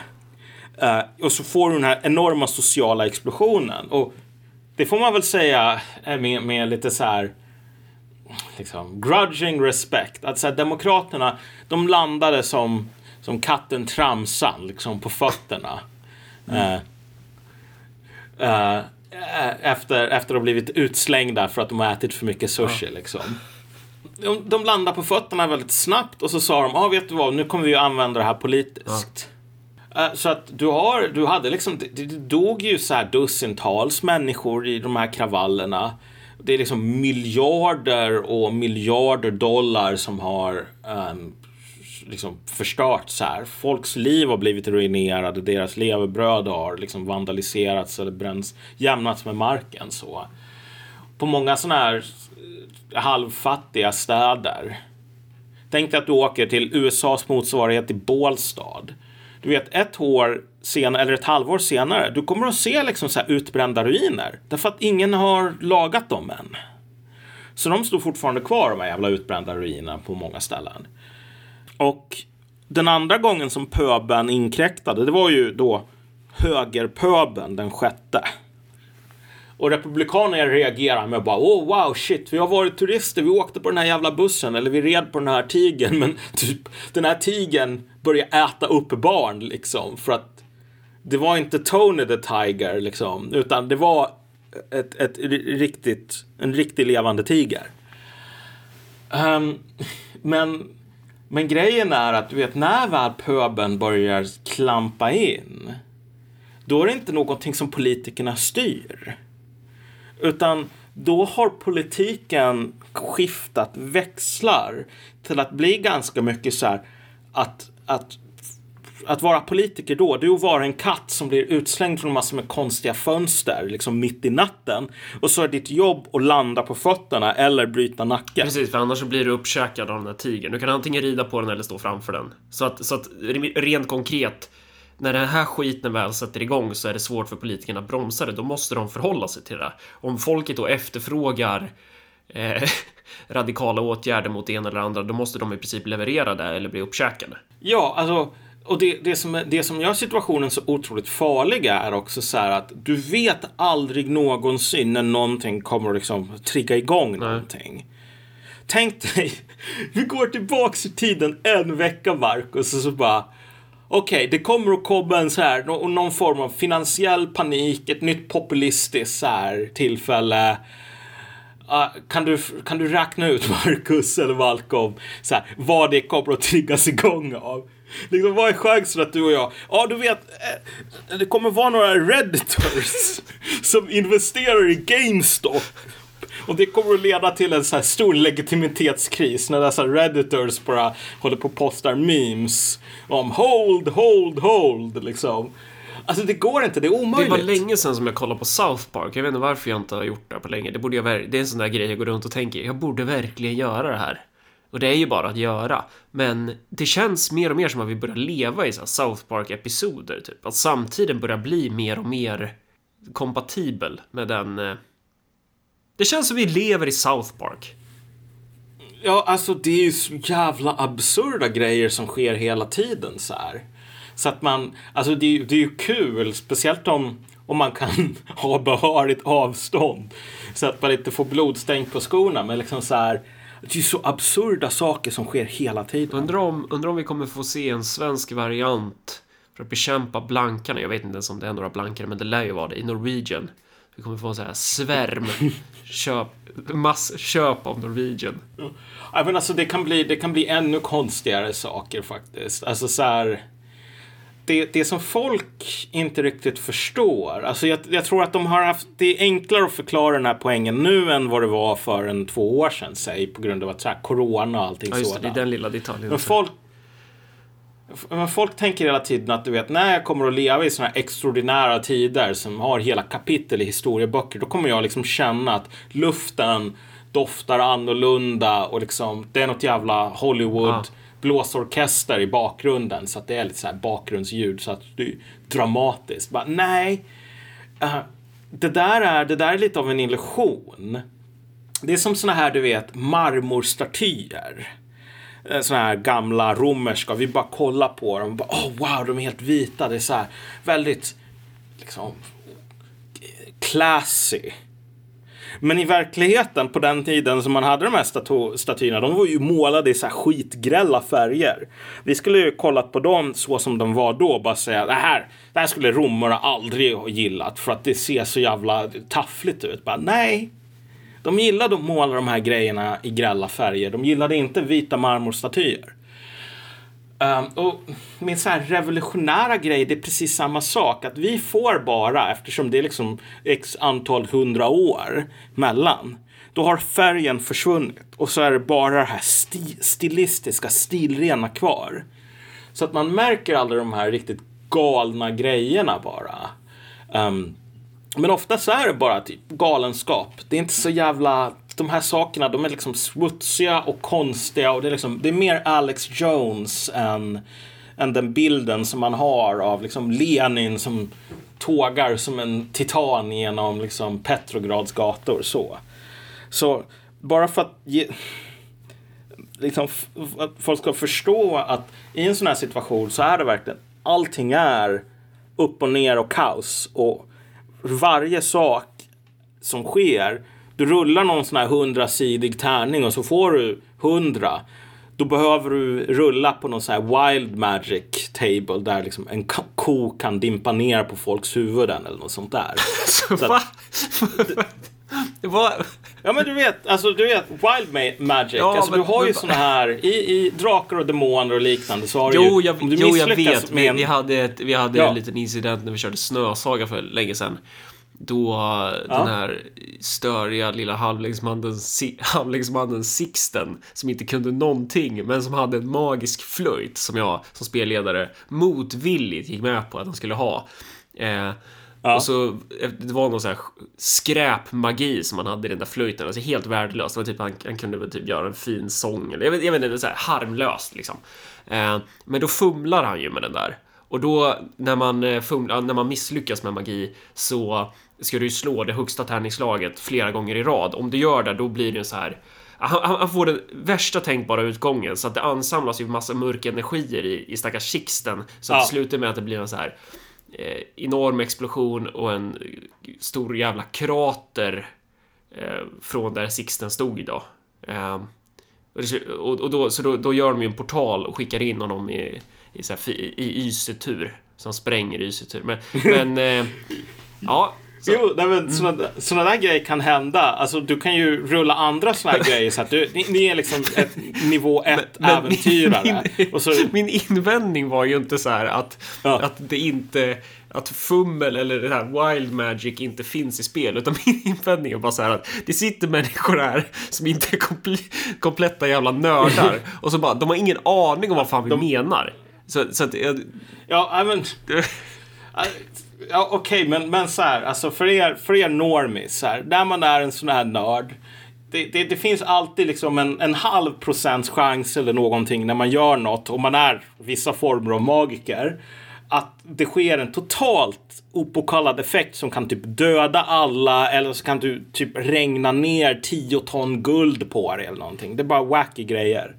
Men alltså, motsvarigheten i verkliga livet är verkligen så här politik under under såna här liksom, eh, förrevolutionära situationer, situationer med massor med trubbel. Du vet, det, det finns den här killen i, i, i USA bara för att ge ett exempel på absurditeten. En, en snubbe som är någon form av sån här meth eh, uh, eh, uh, tidigare liksom total meth-pundare men som har blivit miljonär på att tillverka kuddar. Så han har ett företag som heter My Pillow. Uh, och de hade alltså en, en, en, en, en sån här pro-Trump demonstration i Washington. Och då hade de alltså folk, de döpte den till The Jericho March. Och så hade du såna här riktigt galna, liksom så här, folk som får Alex Jones att framstå som helt välanpassade människor. Alltså sådana här predikanter som säger att det här är ett krig mellan Satans arméer och du vet, en riktig kristendom och du vet, Gud har valt Trump och allting. Och då kan man bara ha ha ha. Fast alltså det här var, det var jävligt många människor som var uh, på det här rallyt och framförallt alltså så här konstiga religioner är någonting som dyker upp i sådana här situationer. Och, och, och, menar du då att det är en konsekvens av eller hur relaterar det till fummeltabellen? Alltså vad är... Ja, alltså det är bara det att historiskt sett så är det vi liksom gräl mellan typ olika liksom faktioner som typ led, ofta leder till eskalering, polis kopplas in så att du liksom får någon form av riktigt allvarlig situation som politikerna ska hantera. Men nu, anledningen till att jag tar upp fummeltabben är på grund av att den här MyPillow-snubben har liksom blivit en ett fokus här i det så kallade kulturkriget. Så att du vet så här hotellkedjor har sagt att vi kommer att bränna upp alla våra MyPillow-kuddar. Uh, eh, och så liksom går folk, nu ska folk ha såna här motdemonstrationer där de ska gå runt med så här varukorgar och plocka på massor med varor i liksom så här, typ motsvarigheten till Ikea. Och så ska de bara lämna de här varukorgarna och säga att tills ni tar tillbaks de här My Pillow-grejerna uh, så kommer vi liksom aldrig att handla och vi kommer att hålla på typ, du vet, typ göra det jobbigt för folk för att de måste lägga tillbaks produkter på hyllorna. Och det här är någonting som man kan skratta ja. åt tills man inser att så här, varje gång som du har en jävla My Pillow demonstration. Det är som att du använder den här jävla pissmagin i den här flöjten. Rullar du fel. Då kommer det att komma någon jävla AFA och spöa någon av de här. Och sen så kommer det helt plötsligt ha My Pillow kravaller. Där fem, sex, sju människor kanske dör. Förlåt. På fullaste ja, allvar. Men... MyPillow-kravaller, alltså dummare saker ja. har hänt. Men det är också så, det är alltså, också, så... det är också så här. Det, ja. Det du säger är ju inte helt orimligt. Alltså det, det, är, det, det är det som är det sjuka. Att så här, ja, det skulle ju typ kunna hända. Um, men en till grej i det här nu. Um, är ju... Va, alltså, kanalen som det politiska den politiska aggressionen och det politiska motståndet eh, kanaliseras via, det är ju konsumtion någonstans. Ja. Det, det, för, ja, det är var, det ju. Varför? Så alla i USA kan ha vapen. Men, men det är inte som att folk bara, ja, jag, jag är arg på den här hedgefund-idioten. Eh, så jag tar mitt vapen, går hem till personen och blåser skallen av honom. Och då, då, kan man ju tänka så här, sånt gör man när man har uttömt alla möjligheter. Det är så här, det finns inget kvar att leva, man har blivit helt tom inombords. Men det är ju den typen av... Eh, det är ju där de säger, fast när de sitter och konsumerar en aktie. Eh, att, ja. att det, det, finns någon, det finns någon ideologisk logik i motståndet också. Som är att, att ja. det är via konsumtion man gör det här. Samma sak med den här My Pillow-snubben också då att det, det är ett varumärke som hamnar i centrum för den politiska kampen. Att det är via varumärken. Och då ska den andra sidan då gå och köpa någon annan jävla kudde. Ja. Som, eh, ja. Jag har, jag har inget djupare här. Det är bara, jag bara tänkte att det, det är lite... Varför är det just där liksom som, som, som det sker?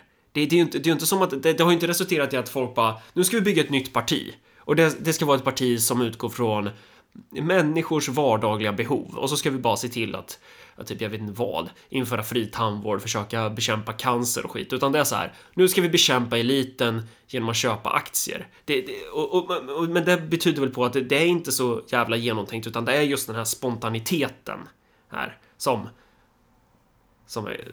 Alltså, ja, men, men, men återigen här. Alltså, man ska vara försiktig. Jag håller helt ja. med dig om att det är på ett plan så instinktivt. Det känns jävligt löjligt att man ska hålla på. Du vet, konsumtion. Jag säger inte att det är löjligt. Jag säger bara men, att, jag säger att det är.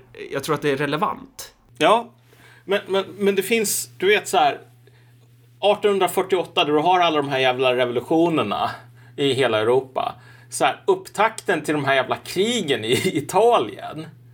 Det är så här att um, de här italienarna, de vill ju ha någon sorts politisk protest för att visa att ja, men vi vill också kanske ha liksom mer självstyre här. Och vi tycker inte om de här jävla österrikarna, de här tyskjävlarna som ska hålla på och styra över oss i Milan.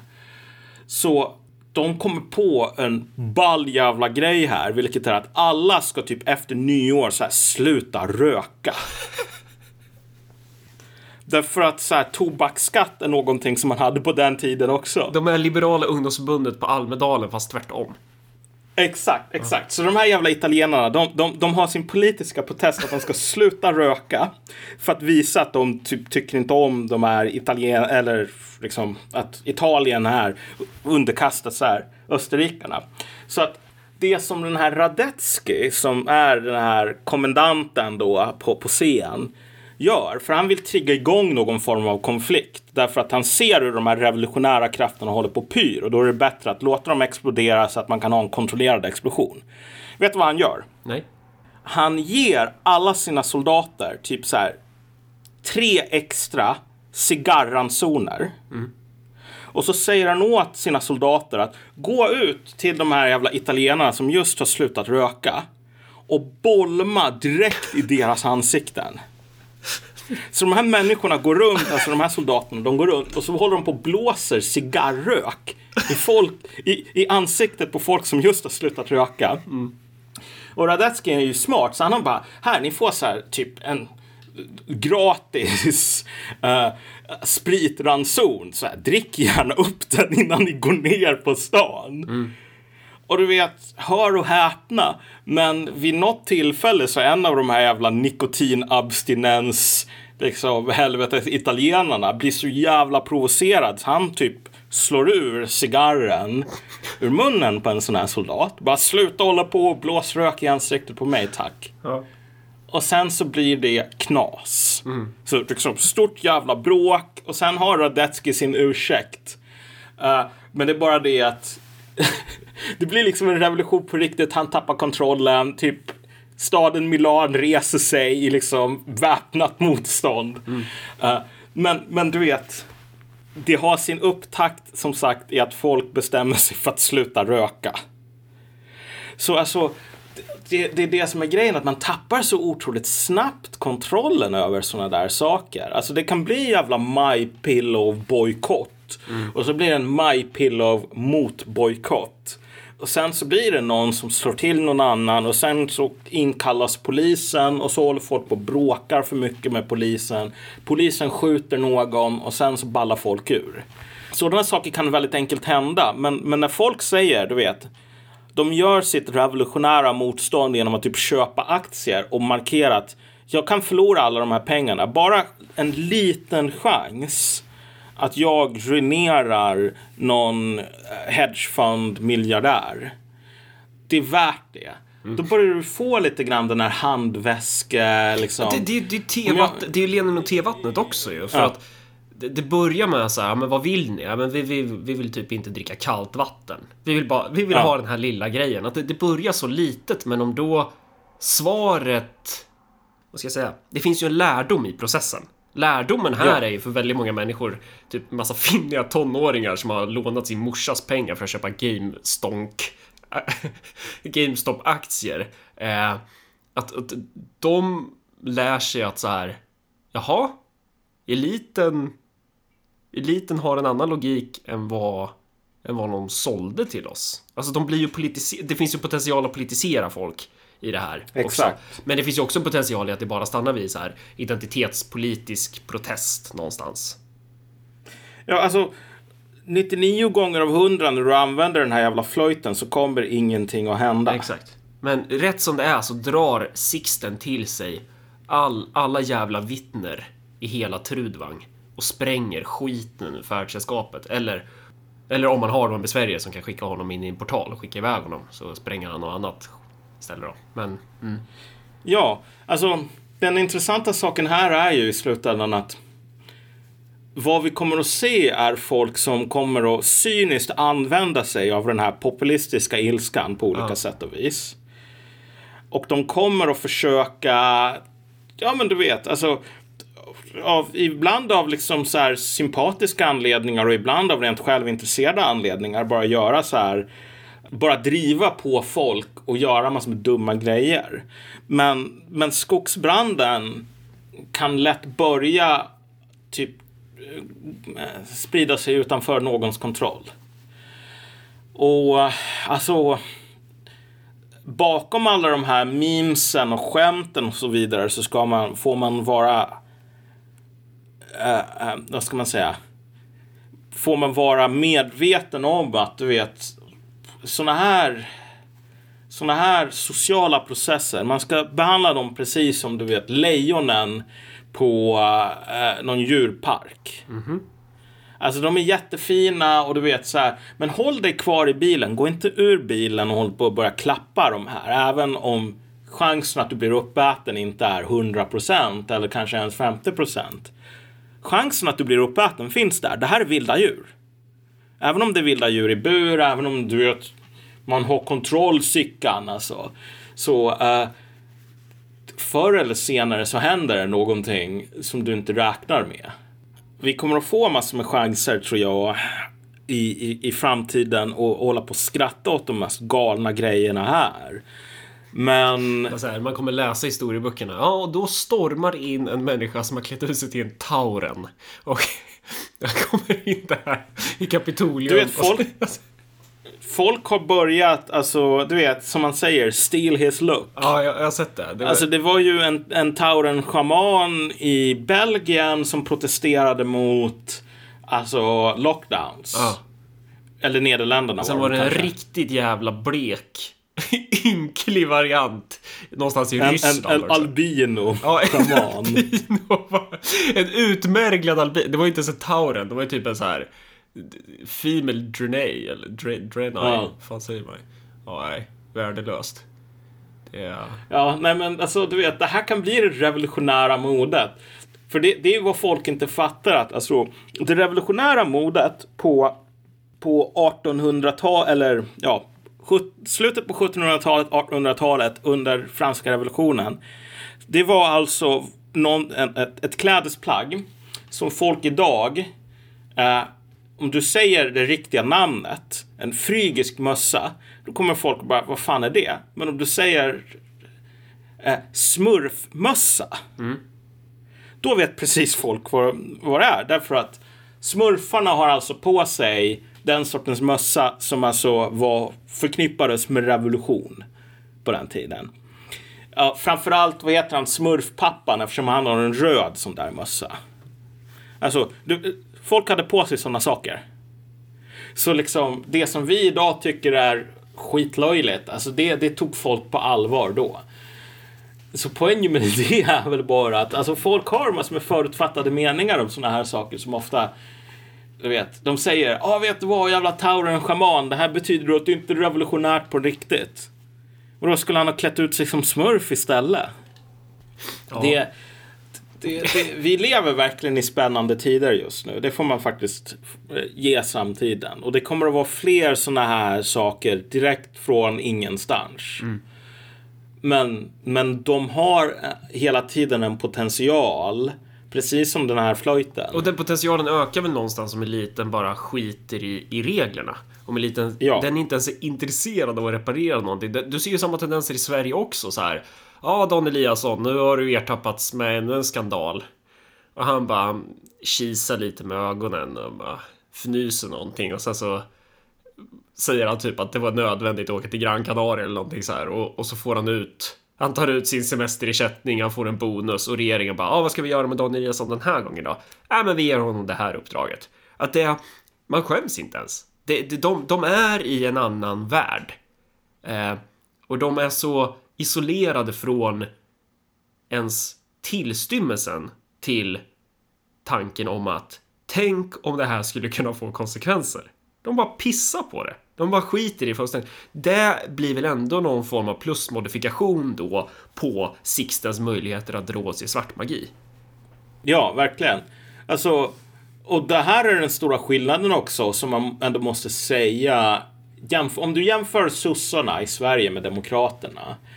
Demokraterna spelar i en liten annan liga därför att de höjer insatserna. Återigen, och kalla in militären för att rendera någon form av polisfunktion mm. i fredstid. Alltså det här, det har aldrig hänt förut. Uh, annat än liksom, okej, okay, man ska avsegregera någon jävla skola i Arizona. Men gör man inte det av, alltså, är inte det bara symbolmässiga skäl? Eller finns det ja. alltså en tanke bakom som är så här, ja men det finns ett reellt hot mot vår säkerhet. Jo, det är symbolmässiga skäl. Ja. Det är så här, mucka inte med oss, vi ja. kan skicka militären på er. Ja. Men att skicka den signalen i en demokrati till folk som inte riktigt litar på dig eller håller med dig. Det är så här, okej, okay, nu kommer vi att montera ner. Som Schmidt, Carl Schmidt säger så här att eh, nollnivån i politiken är liksom användandet av våld och dödandet av andra människor. Men normalt sett så handlar inte politiken om att jag tar en spikklubba och slår i huvudet på dig tills du slutar splattra. Utan det är att vi har kommit överens om olika former av regler, du vet, val, sådana saker. Så att spikklubban inte behöver åka fram. Men om en part markerar att så här, ah, vet du vad, jag är inte riktigt intresserad av den här dealen som vi har. Jag skulle helst vilja se att du inte hade något politiska möjligheter eller inflytande alls. Då kommer den här spikklubban närmare och närmare och närmare. Och alltså, man kallar in militären för att man visar att även om du tar fram spikklubban, vi har en mycket större spikklubba än vad du har. Problemet med det är att som sagt, det, finns, det fanns liksom en enormt stor paranoia. Jag har inte sett en enda bild på de här människorna där de har ett magasin i sina vapen. Mm. Därför att man litar inte på nationalgardet nog på ett ideologiskt plan. Det finns för många som röstar republikanskt. För att man ska tillåta dem att ha skarpladdade vapen. Men vadå? Därför att vem som helst av de här kan skjuta någon. Men vad, på, på vilket sätt är det att skrämma bort någon då om de inte har skarpladdade vapen? Eller de, de måste väl vara beväpnade om de ska fylla funktionen av att vara skrämselpropaganda? Ja, alltså det här är det som är, det här är det som är djupt motsägelsefullt. Alltså och ett, ett riktigt allvarligt tecken på att, att det här är inte en regim som är stabil. Därför att man, man, man bryter mot de här normerna om att du vet, man har inte militären som polis. Alltså man har inte det. Det är vad engelsmän gör. Um, man bryter mot de normerna, men man går inte riktigt hela vägen sådär. Man säger inte, ja vet du vad, om du mopsar i då skjuter vi dig. Liksom, så här, utan man... Kan det inte bara vara så att de har tagit in militärer för att de någonstans vill bygga ett narrativ om att nationen är under, är hotad? Jo, jo, ja. jo, exakt. Eh, och så frågar man, ja men borde inte militären ha vapen då? Och så säger de, ja, nej. Nej, men titta, det är militärer, de har kamouflage på sig. Ja, okej, ja. Eh, och så matar man ut det här i media och folk i Washington känner att åh, vad, oh, vad obehagligt. Eh, att det är någonting som, det, det är någon, en extra dekoration för att förstärka eh, vad man skickar strålkastare i vilket typ är att man vill sätta dit Trump och skicka en varningens tecken mot, varningens finger mot populister då, eller, eller hur? Vad Alltså det, det, här är väl anledningen till att jag gick ut på det här oligarki-ranten tidigare är ju för att alltså du vet, i oligarkier det finns inte en plan. Alltså, kungar, de är bra på en plan och tvinga folk att följa med den här planen oavsett om den är skitdum eller inte. I, I riktigt trasiga oligarkier, då finns det tusen olika planer som inte fungerar ihop. Men, men ingen har riktigt, det finns ingen sån här central styrning så. Så att alltså, vad heter hon? Uh, Washingtons borgmästare, Muriel Bowser. Alltså, hon heter Bowser. Heter de Muriel Bowser? Ja, Bowser, ja. som, som den stora um, bossen i Mario. Och det finns någon annan borgmästare för Chicago som heter Laurie Lightfoot. Och jag ja. bara tänker så här, det här är en jävla halvmans namn. Laurie Lightfoot. Ja, verkligen. Det, det, det här är inte ett riktigt jävla namn. Det är liksom... Din pappa spelade för mycket drakar hoppas, och demoner. Hoppas den, hoppas den jävla borgmästaren inte har en magisk flöjt. Då kan det sluta jävligt Precis. Men, men Muriel Bowser, bo, boss i Mario och borgmästare för Washington DC. Frågar alltså nationalgardet om de kunde kanske ta med sig så här riktigt tunga kulsprutor. Alltså eh, så kallade crew served weapons. Alltså en sån här kulspruta som det krävs flera personer för att operera då. Um, typ sån här Browning 50 cals liknande. Så fick hon svaret bara, nej, vi kommer inte ha några jävla tunga kulsprutor uppmonterade i vakttorn i Washington DC. Det här är den sortens vapen man använder i krig, Muriel Bowser. Det är inte den sortens vapen som man riktar mot andra amerikaner där man är där för att du vet hålla lugn och ro. Så hon fick nej på det. Men om hon hade fått ett ja på det så skulle inte någon jävla demokrat ha litat på att de här människorna skulle få ha sina jävla ammunitionband till de här tunga kulsprutorna. Mm. Så, så det finns ju en enorm motsägelse här i att så här, man vill ha riktigt tunga jävla vapen för att imponera på folk. Man vill inte ha någon ammunition i de här därför att man inte litar på soldaterna.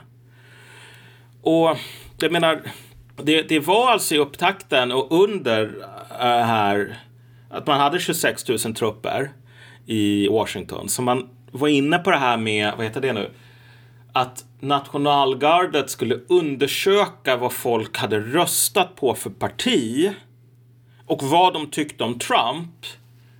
Och typ om de var konservativa för att man skulle göra så kartläggningar av sådana saker så att man kunde typ ge dem som, de som tyckte om Trump för mycket sparken. Och det skedde i någon begränsad mån men inte lika mycket som Demokraterna ville. Och liksom det här är också en sån här total normöverträdelse. Sånt här sker inte normalt sett. Alltså man måste lita på sin egen militär. Uh, speciellt om man kallar in den självmant och inte behöver det. Um, så att du har helt rätt i det här med att det här är väl antagligen, man vill imponera på folk, ja. Men samtidigt så man vet inte riktigt liksom hur långt man ska gå med det. Om man är rädd för konsekvenserna av liksom, du vet, den här militariseringen som man själv propsar på. Därför att annars skulle man inte försöka få folk att begå saker som antagligen är konstitutionsvidriga, alltså liksom så här kartlä ideologisk kartläggning av, av militär personal. Så att alltså, det finns en enorm obeslutsamhet och en enorm radikalism. De här två sakerna samexisterar. Mm. Och återigen, det är någonting som du ofta ser i, i, i riktigt dysfunktionella um, politiska system, men framförallt i typ oligarkier. Därför att i en monarki så kan du ha en enorm obeslutsamhet uh, om du har en enormt obeslutsam monark. Så det är typ det som händer i både Ryssland innan revolutionen och Frankrike innan revolutionen. Att liksom du har uh, kejsare eller kungar som på att de ändrar sig var femte minut. Mm.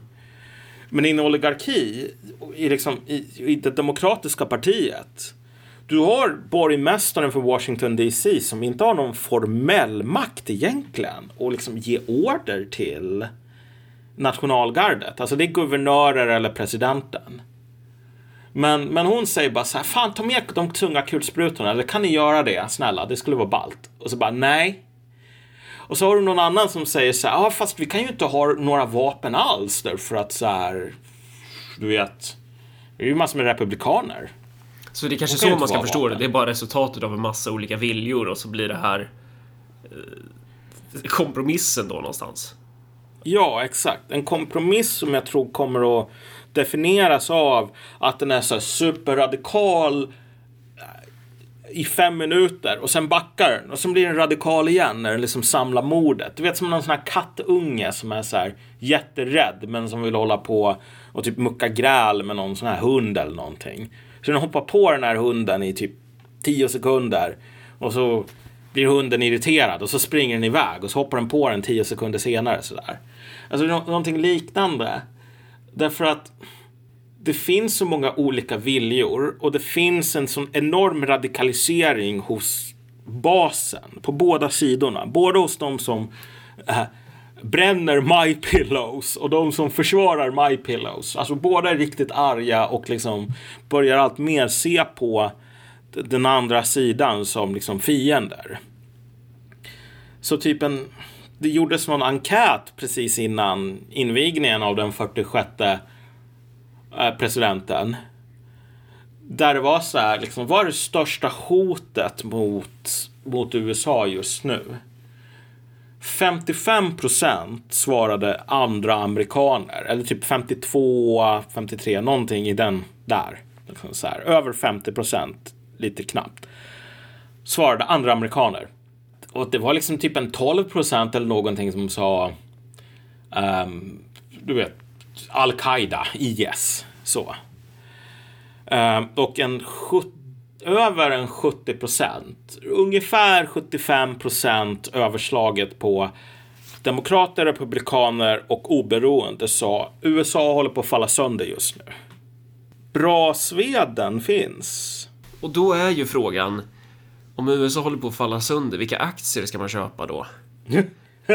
Ska man... Eh... My Pillow, alltså det är vad jag skulle köpa oironiskt. Så här, My Pillow kommer att bli den officiella leverantören av kuddar. Om du skaffade så här en aktieportfölj, du skulle ju bara ha så här meme. Du skulle ju bara ha meme-företag. Vad, vad är det här ja. Malcolm? Nej, men det är ett certifikat som eh, det är Shiba-päls eh, i råvaru... Så här, hur mycket Shiba-pälsar är värda? som råvara. Nej, jag, jag, jag, skulle kolla på liksom så här, vilka så här riktigt galna um, för, vän, högerföretagsledare finns det så här. Riktigt så här evangeliska. Du, hade du köpt en massa Tesla då bara för att du gillar Elon Musk? Eller tänker nej, du... nej, nej. Alltså jag tycker Elon Musk är en jävla tönt.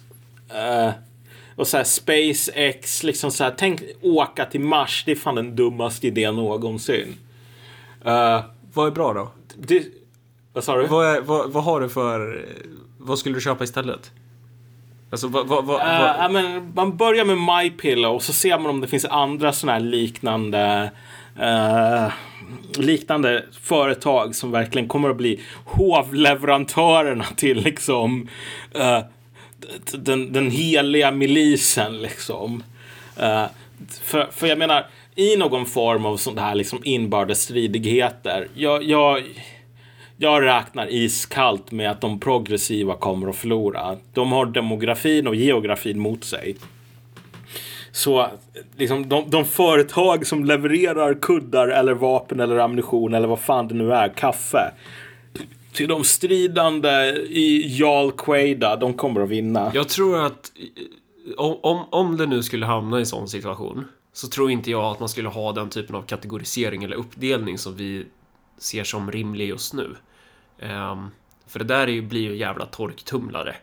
Och så slutar ja, det, det med det. bara på ena sidan har du Taurens och på den andra så har du någon så här cigarrrökande österrikare som spelar flöjt och spränger skit. Det blir bara konstigt till slut. Ja. Men eh, det här var ett, det här var ett väldigt konstigt avsnitt.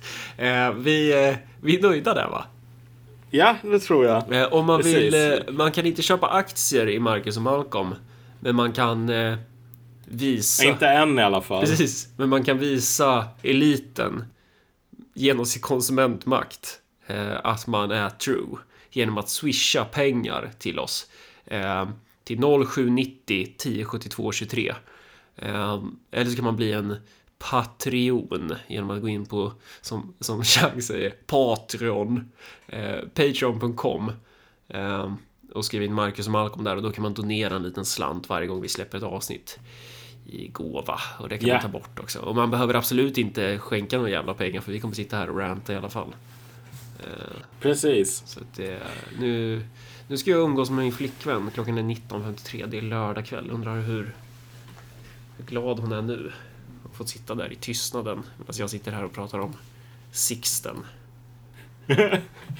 Ja, rip in peace. Ja, vi, vi hörs. Hej.